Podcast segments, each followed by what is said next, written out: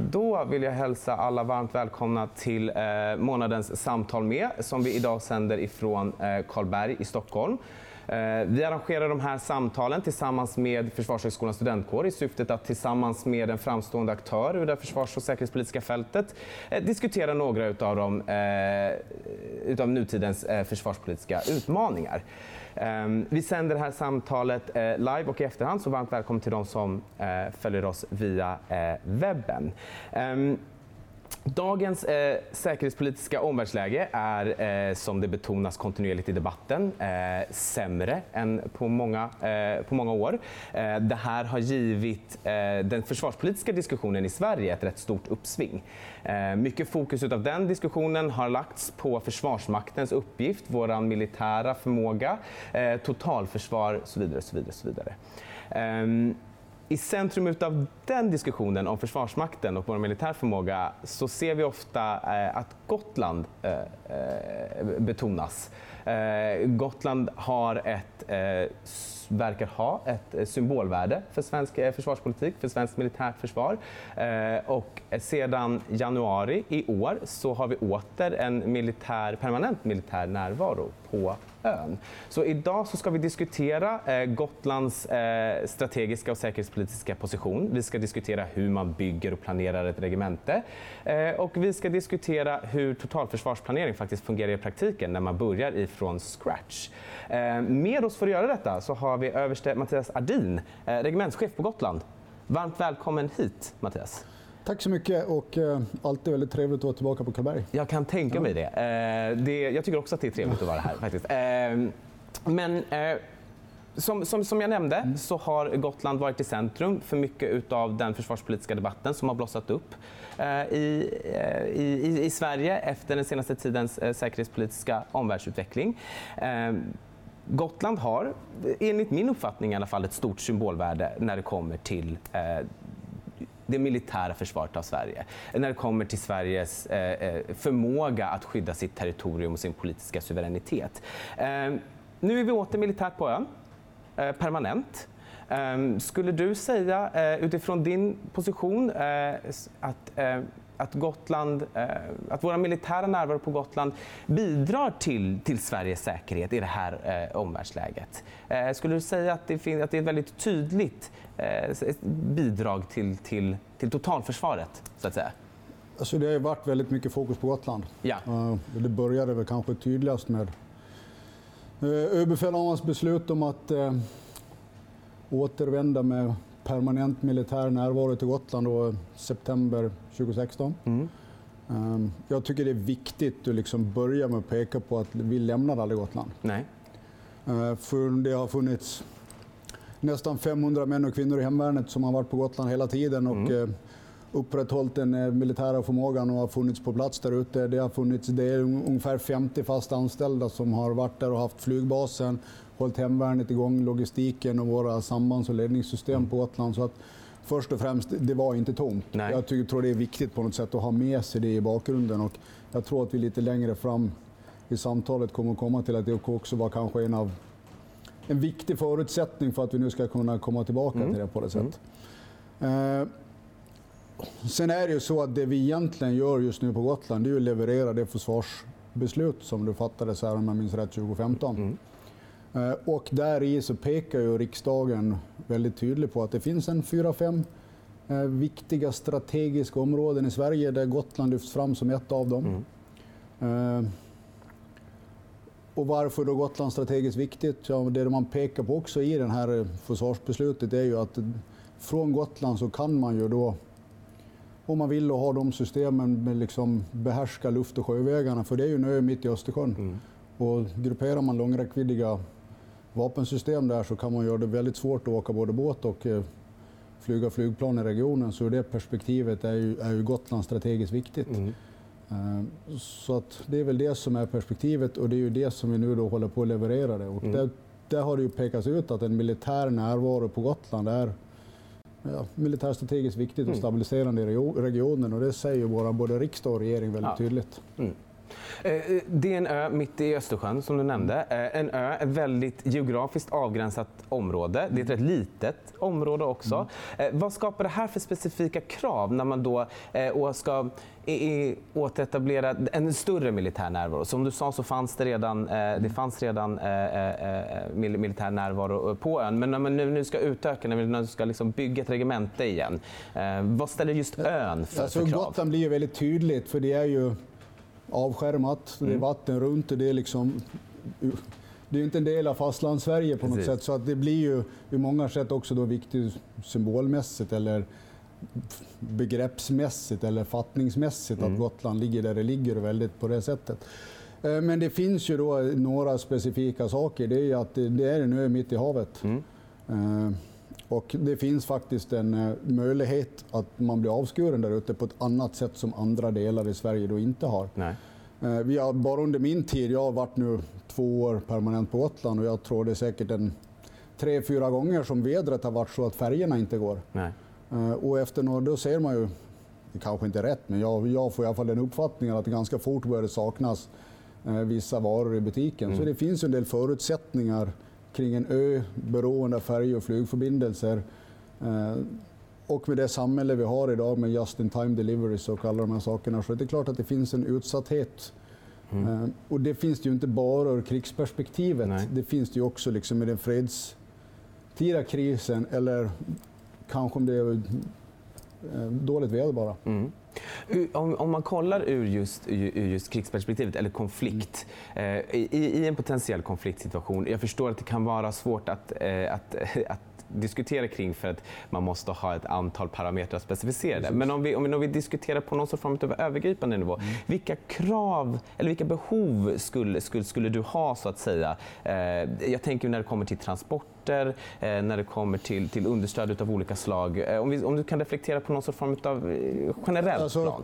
Tidsmässigt, det kan gå tillbaka några hundra år, så är ju på något sätt antagandet har varit att det man måste ha på, på Gotland om det skulle bli konflikt måste finnas på Gotland redan från start. Mm. Uh, och ur det perspektivet, så, och det ligger väl fortfarande en hel del sanning i det, att mm. man behöver ha de förband som man måste ha där, de måste finnas där från början. Den logistikförsörjning man måste ha, den måste finnas till någon rimlig nivå mm. från början och så vidare. Uh, och det ligger sannolikt kvar och man kan nog inte um, räkna med att vi har någon sorts ohotade logistikflöden till Gotland. Nej. Utan eh, det, det, är säkert möjligt att tillföra viss logistik eller ta vissa saker därifrån även under konflikt. Men det är en svårare operation och det blir mindre flöden och så vidare. Så i grunden så måste nog en hel del resurser finnas mm. förhandslagrat på Gotland redan från början. Mm. Om, vi, om, om, vi, om, vi, om vi stannar där då äh, vet i tanken om att Eh, det som behövs måste redan mm. finnas där. När man då eh, återetablerar sig här på Gotland, eh, vad är steg ett? Eh, om du förklarar för oss, nu är vi visserligen på Karlberg eh, med, med, eh, med, med Mikael som, som, som säkerligen vet det, men vi som, inte, vi som inte vet riktigt hur man bygger ett regemente från grunden upp, vad, vad, vad är steg ett? Nu, var, nu var ju, fanns ju fyra regementen på Gotland, det fanns ett ganska stort totalförsvar. Och, mm. Um, K3, A7 och LV2 la man ner 2000. Mm. Uh, Gotlands regemente lades ner 2005. Mm. Totalförsvaret har ju också avvecklats sedan dess. Mm. Uh, avvecklingen på Gotland var oerhört framgångsrik. Mm. Uh, så att jag säger, det finns egentligen ingenting kvar. Tomt? Ja, vi hade skjutfältet kvar. Mm. Eh, vilket nu är helt avgörande för att komma tillbaka, att vi faktiskt hade den marken. Så mm. ur det perspektivet så är det när man nu ska återvända eller när vi nu bygger upp förmågan igen så börjar det här ju liksom väldigt basalt. Um, var någonstans ska folk ett kontor? Mm. Var byter man om någonstans? Mm. Um, fysträning, liksom alla de här sakerna. Var, var någonstans i utbildningsanläggningarna? Var tankar vi fordonen? Var tvättar vi fordonen? Uh, och, så, och det handlar nu om att bygga de sakerna för att sen fortsätta utifrån det mest grundläggande så får man ta ring för ring utåt därifrån. Mm. Så att det är ju så att en, ovan, en väldigt bra och väl genomförd avveckling gör nu att vi egentligen börjar om från noll igen. Mm. Däremot så har vi nu hållit på med det här, vi startade 2015 så vi har ju kommit en bit. Mm. Och sommaren 2016 så rullar, 2017 så rullade ju 18 stridsgruppen i land här från färjan mm. i Visby. Och nu så har de flyttat in i sina tillfälliga lokaler och har sin verksamhet, dagliga verksamhet på Gotland. Samtidigt som det nu pågår ett byggprojekt eh, som då är klart någonstans 2021 och då finns då 18 stridsgruppen i sina lokaler. Mm.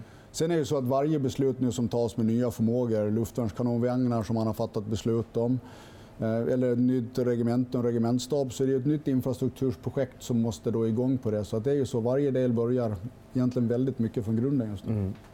Um totalförsvarsavvecklingen var väldigt framgångsrik. Eh, när, eh, när man tidigare diskuterade eh, Gotlands strategiska position, vår militär förmåga, eh, vår förmåga att utgå ifrån ön i, i, i, större sammanhang, då så satte man ju alla den, de förmågorna som vi hade där i relation till varandra. Det fanns ju synergieffekter, det var en samlad förmåga så att säga. Mm. Nu eh, när, eh, i, i, min vetskap i alla fall, inte, inte finns eh, de politiska besluten och ambitionerna att öka till den tidigare förmågan. Eh, hur, hur, hur, påverkar det? Att man, eh, jag antar att det blir större press eller större, um, ja, men större krav på, på, på, den, på, på, på den truppen som vi ändå sätter på en. Först och främst tror jag inte att det försvaret vi hade under kalla kriget är det vi ska bygga upp igen. Nej. Utan det, det vi, bygger något, vi bygger något annat nu. Mm. Eh, så att återskapa det är, det är inte dit vi ska Nej. och det är inte det som är målbilden att göra. Sen måste jag också se det här som ett, det är långsiktigt. Mm. Nu har vi tagit fram en 18 stridsgrupp med, som består av ett mekaniserat skyttekompani och stridsvagnskompani. Vi klär på dem med luftvärnskanonvagnar. Mm. Och vi kom, vi möjliga, det, det är det som är beslutet just nu. Ja. Eh, sen så kan man läsa perspektivplaneringen med att det ska vara en hel stridsgrupp och det finns många idéer. Vad ska, vi får väl se vilket beslut det blir. Men jag tror att man måste se det här som en eh, en långsiktig uppbyggnad framåt. Mm. Eh, sen måste man ju komma ihåg i det här att det har ju alltid funnits en planering för att föra förband till Gotland vid behov. Mm. Eh, och jag tror också att man måste skilja på försvaret av Gotland och försvaret på Gotland. Skulle... Vi har ett antal markstridsförband som, för, som försvaret på Gotland, men försvaret av Gotland, vi måste får inte glömma bort att vi, vi har ett flygvapen och mm. vi har en marin som också kommer att delta i försvaret av Sverige och där också då försvaret av Gotland. Mm. Det behövs ju dock nödvändigtvis inte göras eh, från eller på Gotland. Nej. Um, du nämnde, nu, du nämnde här eh, att det, det, är inte det gamla försvaret som, eh, det gamla totalförsvaret som ska, som ska återbyggas utan det är någonting nytt. Mm. Eh, Gotland, som vi nämnde nu i början, är lite utav eh, i, i händelsernas centrum mycket när det kommer till regionala säkerhetspolitiska mm. läget. Eh, ställer det några specifika utmaningar att just att just eh, verka militärt i en sån här säkerhetspolitisk hotspot så att säga?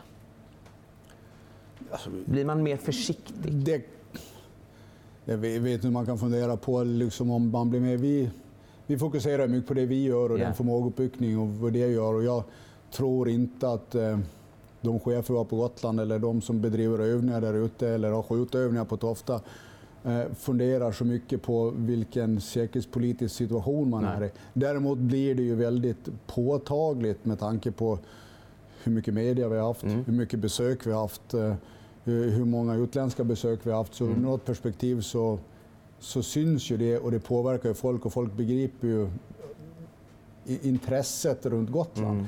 Men jag, liksom, i vardagen, när man gör sitt dagliga värv, så tror jag inte att det spelar någon roll om man är på Livgardet eller på Tofta eller på i Berge eller på Revingehed, utan där har man fullt upp med att hantera sitt vanliga jobb. Jag tror inte man liksom går runt där och då och funderar på den säkerhetspolitiska situationen så mycket. Mm.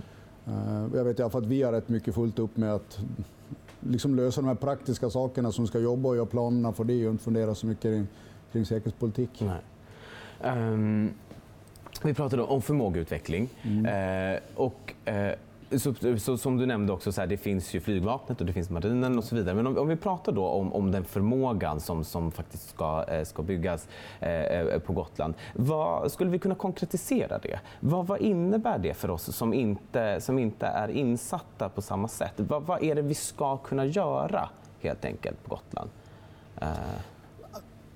Som jag sa, jag tror att det är ett första steg. Ja. Eh, man bygger upp förmåga nu och man ser till att det finns militär förmåga. Mm. Eh, det finns ett förband. Mm. Eh, så att skulle man någon vilja eh, ge sig på, land, på Gotland eller ta Gotland av oss så, så, finns det ett förband och det kommer att bli, det kommer att bli strid på Gotland. Mm. Det har man ju nu säkerställt från att från man har, tidigare hade man hemvärnsbataljon, nu har man ökat den förmågan genom att mekanisera ett skyttekompani och stridsvagnskompani. Exakt vad det är klar, exakt planering och så vidare tänker jag inte sitta här och prata om på det sättet. Men man har höjt liksom vår tröskelförmåga mm. på det sättet på Gotland. Och sen blir det ett vidare arbete med, med att fortsätta att utveckla den. Men mm. det var viktigt att få den där tröskelförmågan på plats nu. Mm. Um, en, ett väldigt lyckat avvecklat totalförsvar. Eh, så, och vi har ju en, en generell totalförsvarsplanering eh, i, i, Sverige pågående. Eh, det innebär en ökad eh, samverkan, interaktion mellan militära och civila motparter. Eh, du har ju Gotland, eh, fallet, fallet Gotland.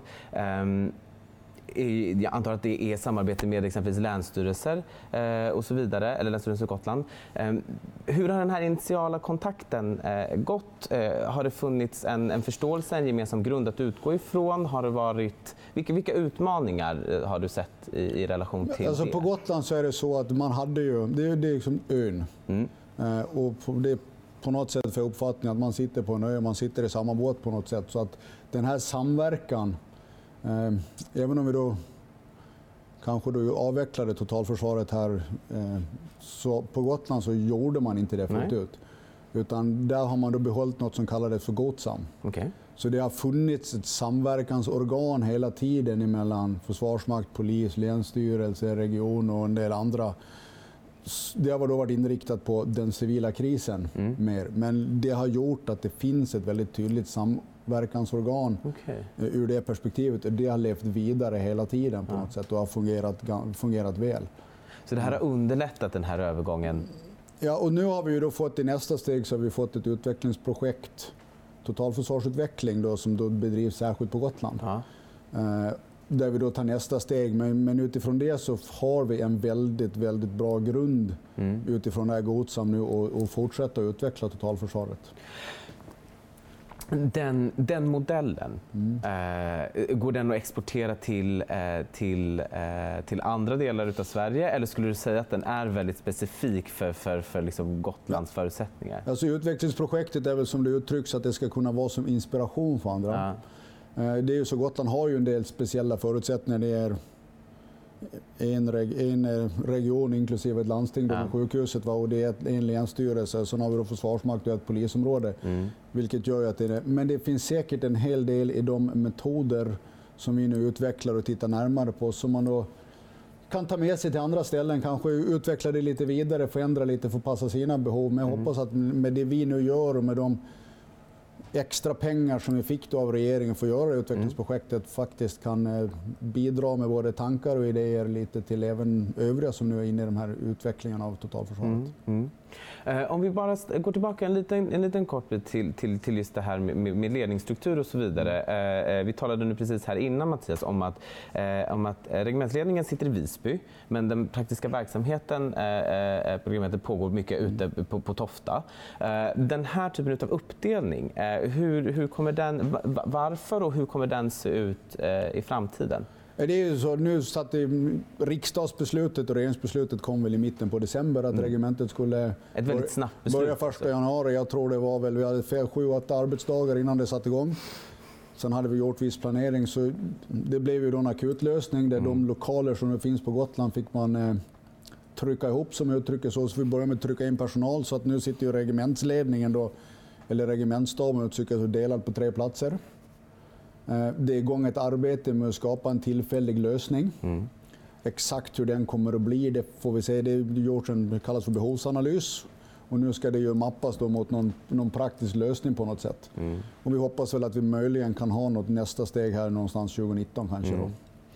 Uh, och sen får det bli en permanent lösning efter det, men det är också en ny process och då ska det byggas något, byggas något mer permanent och så vidare. Och då pratar vi säkert 2021, 2022, 2023 någonstans innan det finns på plats. Mm. Eh, vi får väl se vad det landar i och vilka, vilka hänsyn man ska ta, men det är väl inte en orimlig tanke att vi kommer att ha ett samlat regemente på Tofta skjutfält där, eh, där vi nu bygger för 18 stridsgruppen. Mm.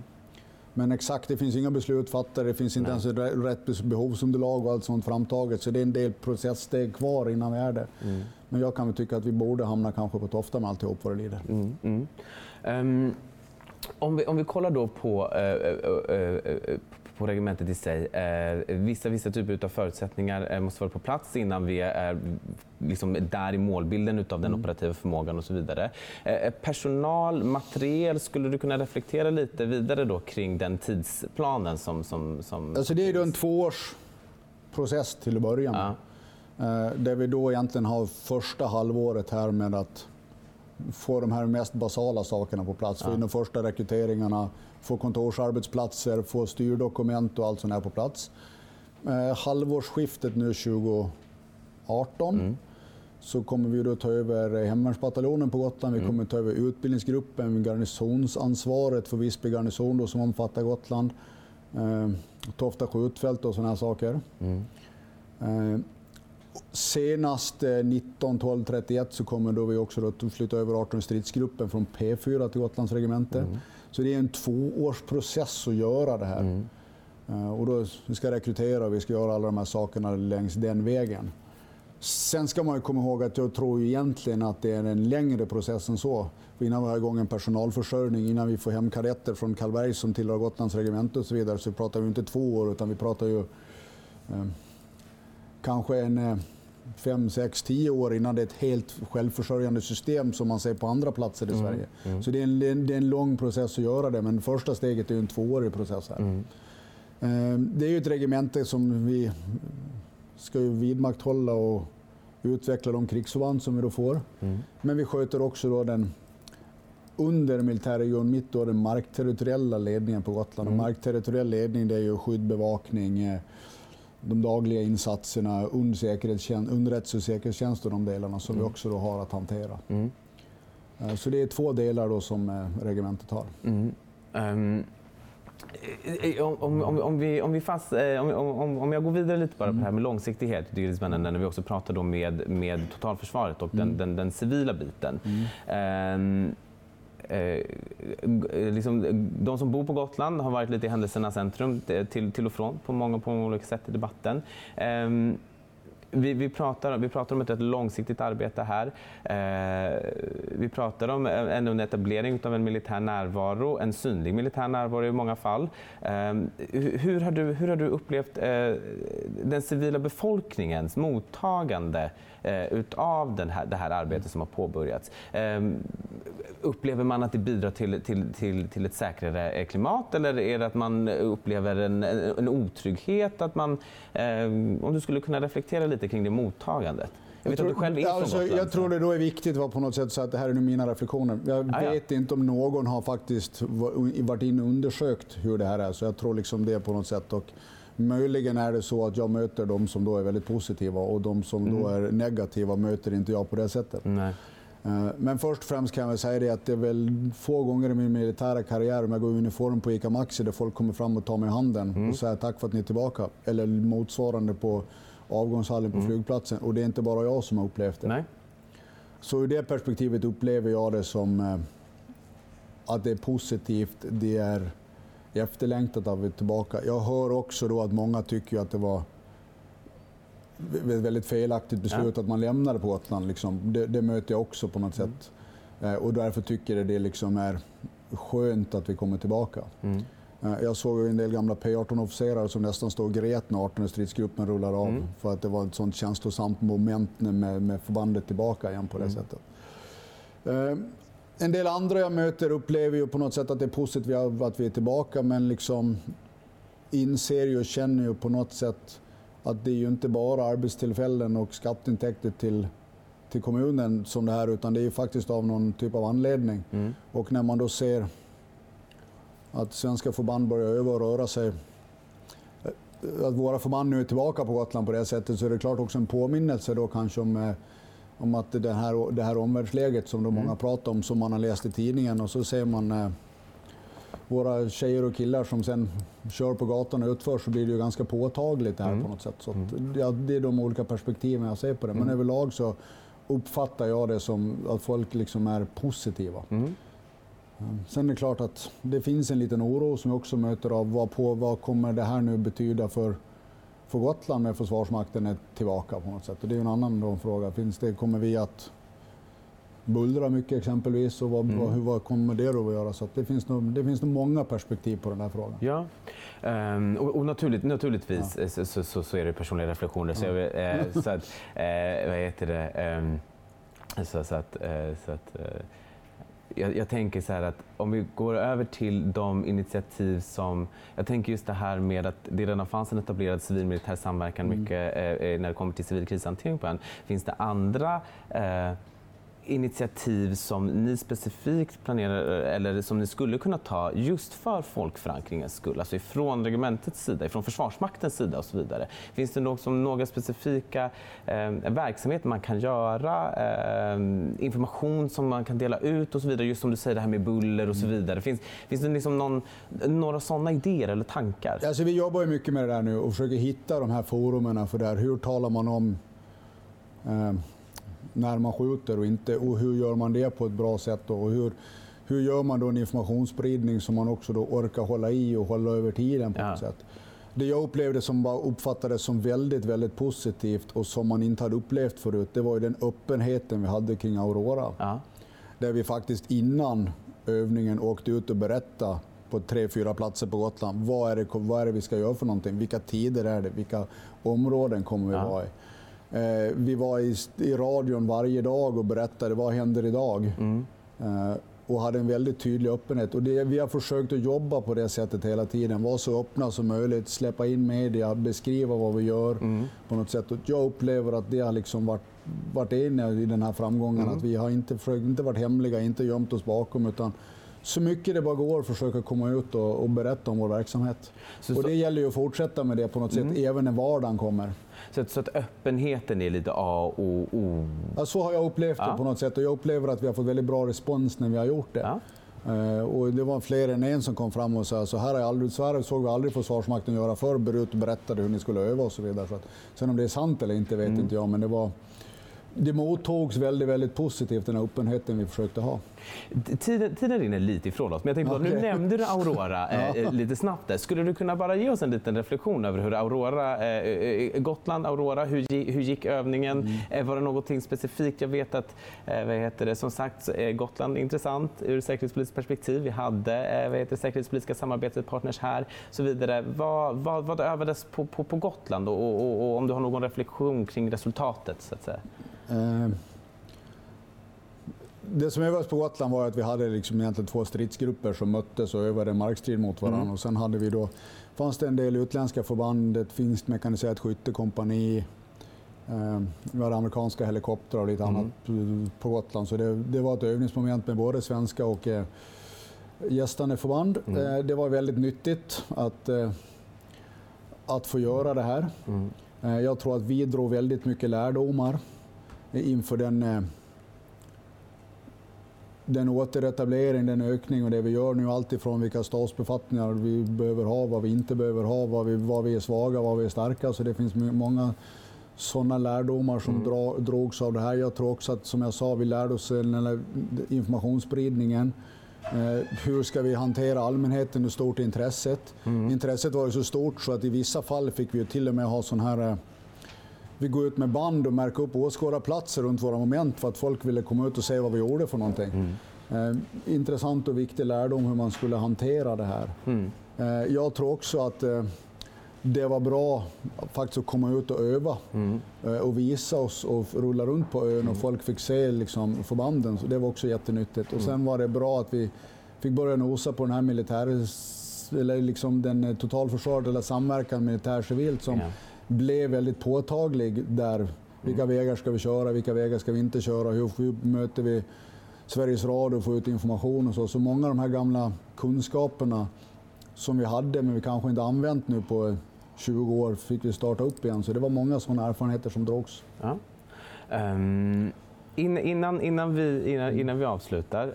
Um, kan den här öppenheten som, som, som bidrar till, till, till förankring, eh, det bidrar till, till, till, till medvetenhet hos civilbefolkningen, säkerligen också när det kommer till, eh, till, till generell krisberedskap, individens eh, förmåga att hantera extraordinära händelser och så vidare.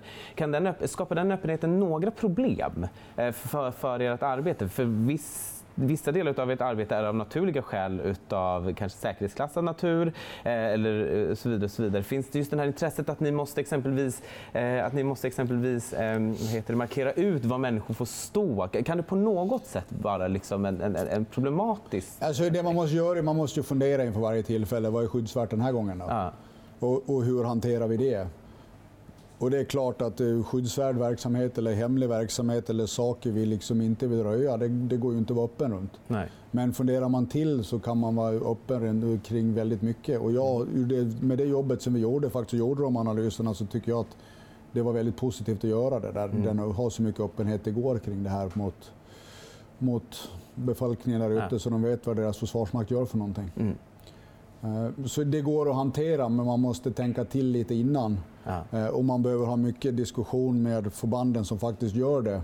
Att det kommer att vara åskådare och det är en viktig del i den här övningen att faktiskt visa upp vad vi gör. Mm. Eh, men ni ska också fundera på vad ni inte ska visa upp nu. För mm. vi kanske inte ska visa våra styrkor eller våra svagheter utan då får vi göra det på ett annat sätt eller göra det vid ett annat tillfälle, de övningarna där vi då inte talar om vad vi gör. Så det går att göra både och på ett klokt sätt. Mm. Um Sista frågan då helt enkelt, för nu har faktiskt en halvtimme ja, okay. timme redan gått. Det gick fort. Eh, det gick fort. ja. Eh, så, så tänkte jag bara, eh, så tänkte jag bara få, få, få en sista avslutande reflektion kring just Gotlands militärstrategiska position helt mm. enkelt. Gotland är utpekat, som du nämnde tidigare, som, mm. som en strategiskt viktig region för totalförsvaret. Mm. Eh, eh, och, och, och eh, det, här, det är politiska beslut som, som, som ligger i grunden. Eh, så vidare, så vidare. Ehm, med vår militära närvaro eh, i, på Gotland eh, bidrar vi både till säkerhet för Sverige och för regionen i stort. Eh, är, är, är, är det någonting som vi gör för Sverige, skulle du se, arbetet? Eller är det någonting som vi gör för Östersjön, regionen eh, i helhet? Jag vet att det kan vara svårt att reflektera kring uh, i, i, egenskap utav också just försvarsmakt så. Men, men, men, men, men om du kan på något sätt ge oss en liten tanke kring, kring det? Jag vet, det kan man fundera mycket på, men jag kan egentligen bara återvända till den riksdagsbeslutet som mm. fattade kring det här, att det är liksom en viktigt säkerhetspolitiskt för Sverige att, och, och, det är, och som man uttrycker, om man kommer ihåg rätt, att det en, har en stabiliserande effekt i regionen. Jag tror att det står så i, i försvarsbeslutet, mm. i alla mm. fall att det har en stabiliserande effekt att Sverige har eh, militära förband på Gotland. Mm. Så att jag tycker liksom riksdagen har svarat på, mm. på den frågan ganska tydligt. Och där så ja. får vi helt enkelt avsluta. Då får jag varmt tacka dig eh, eh överste Mattias eh, Ardin, eh, regementschef på Gotland. Ja. Eh, en varm applåd. Eh, stort tack för att du kom hit.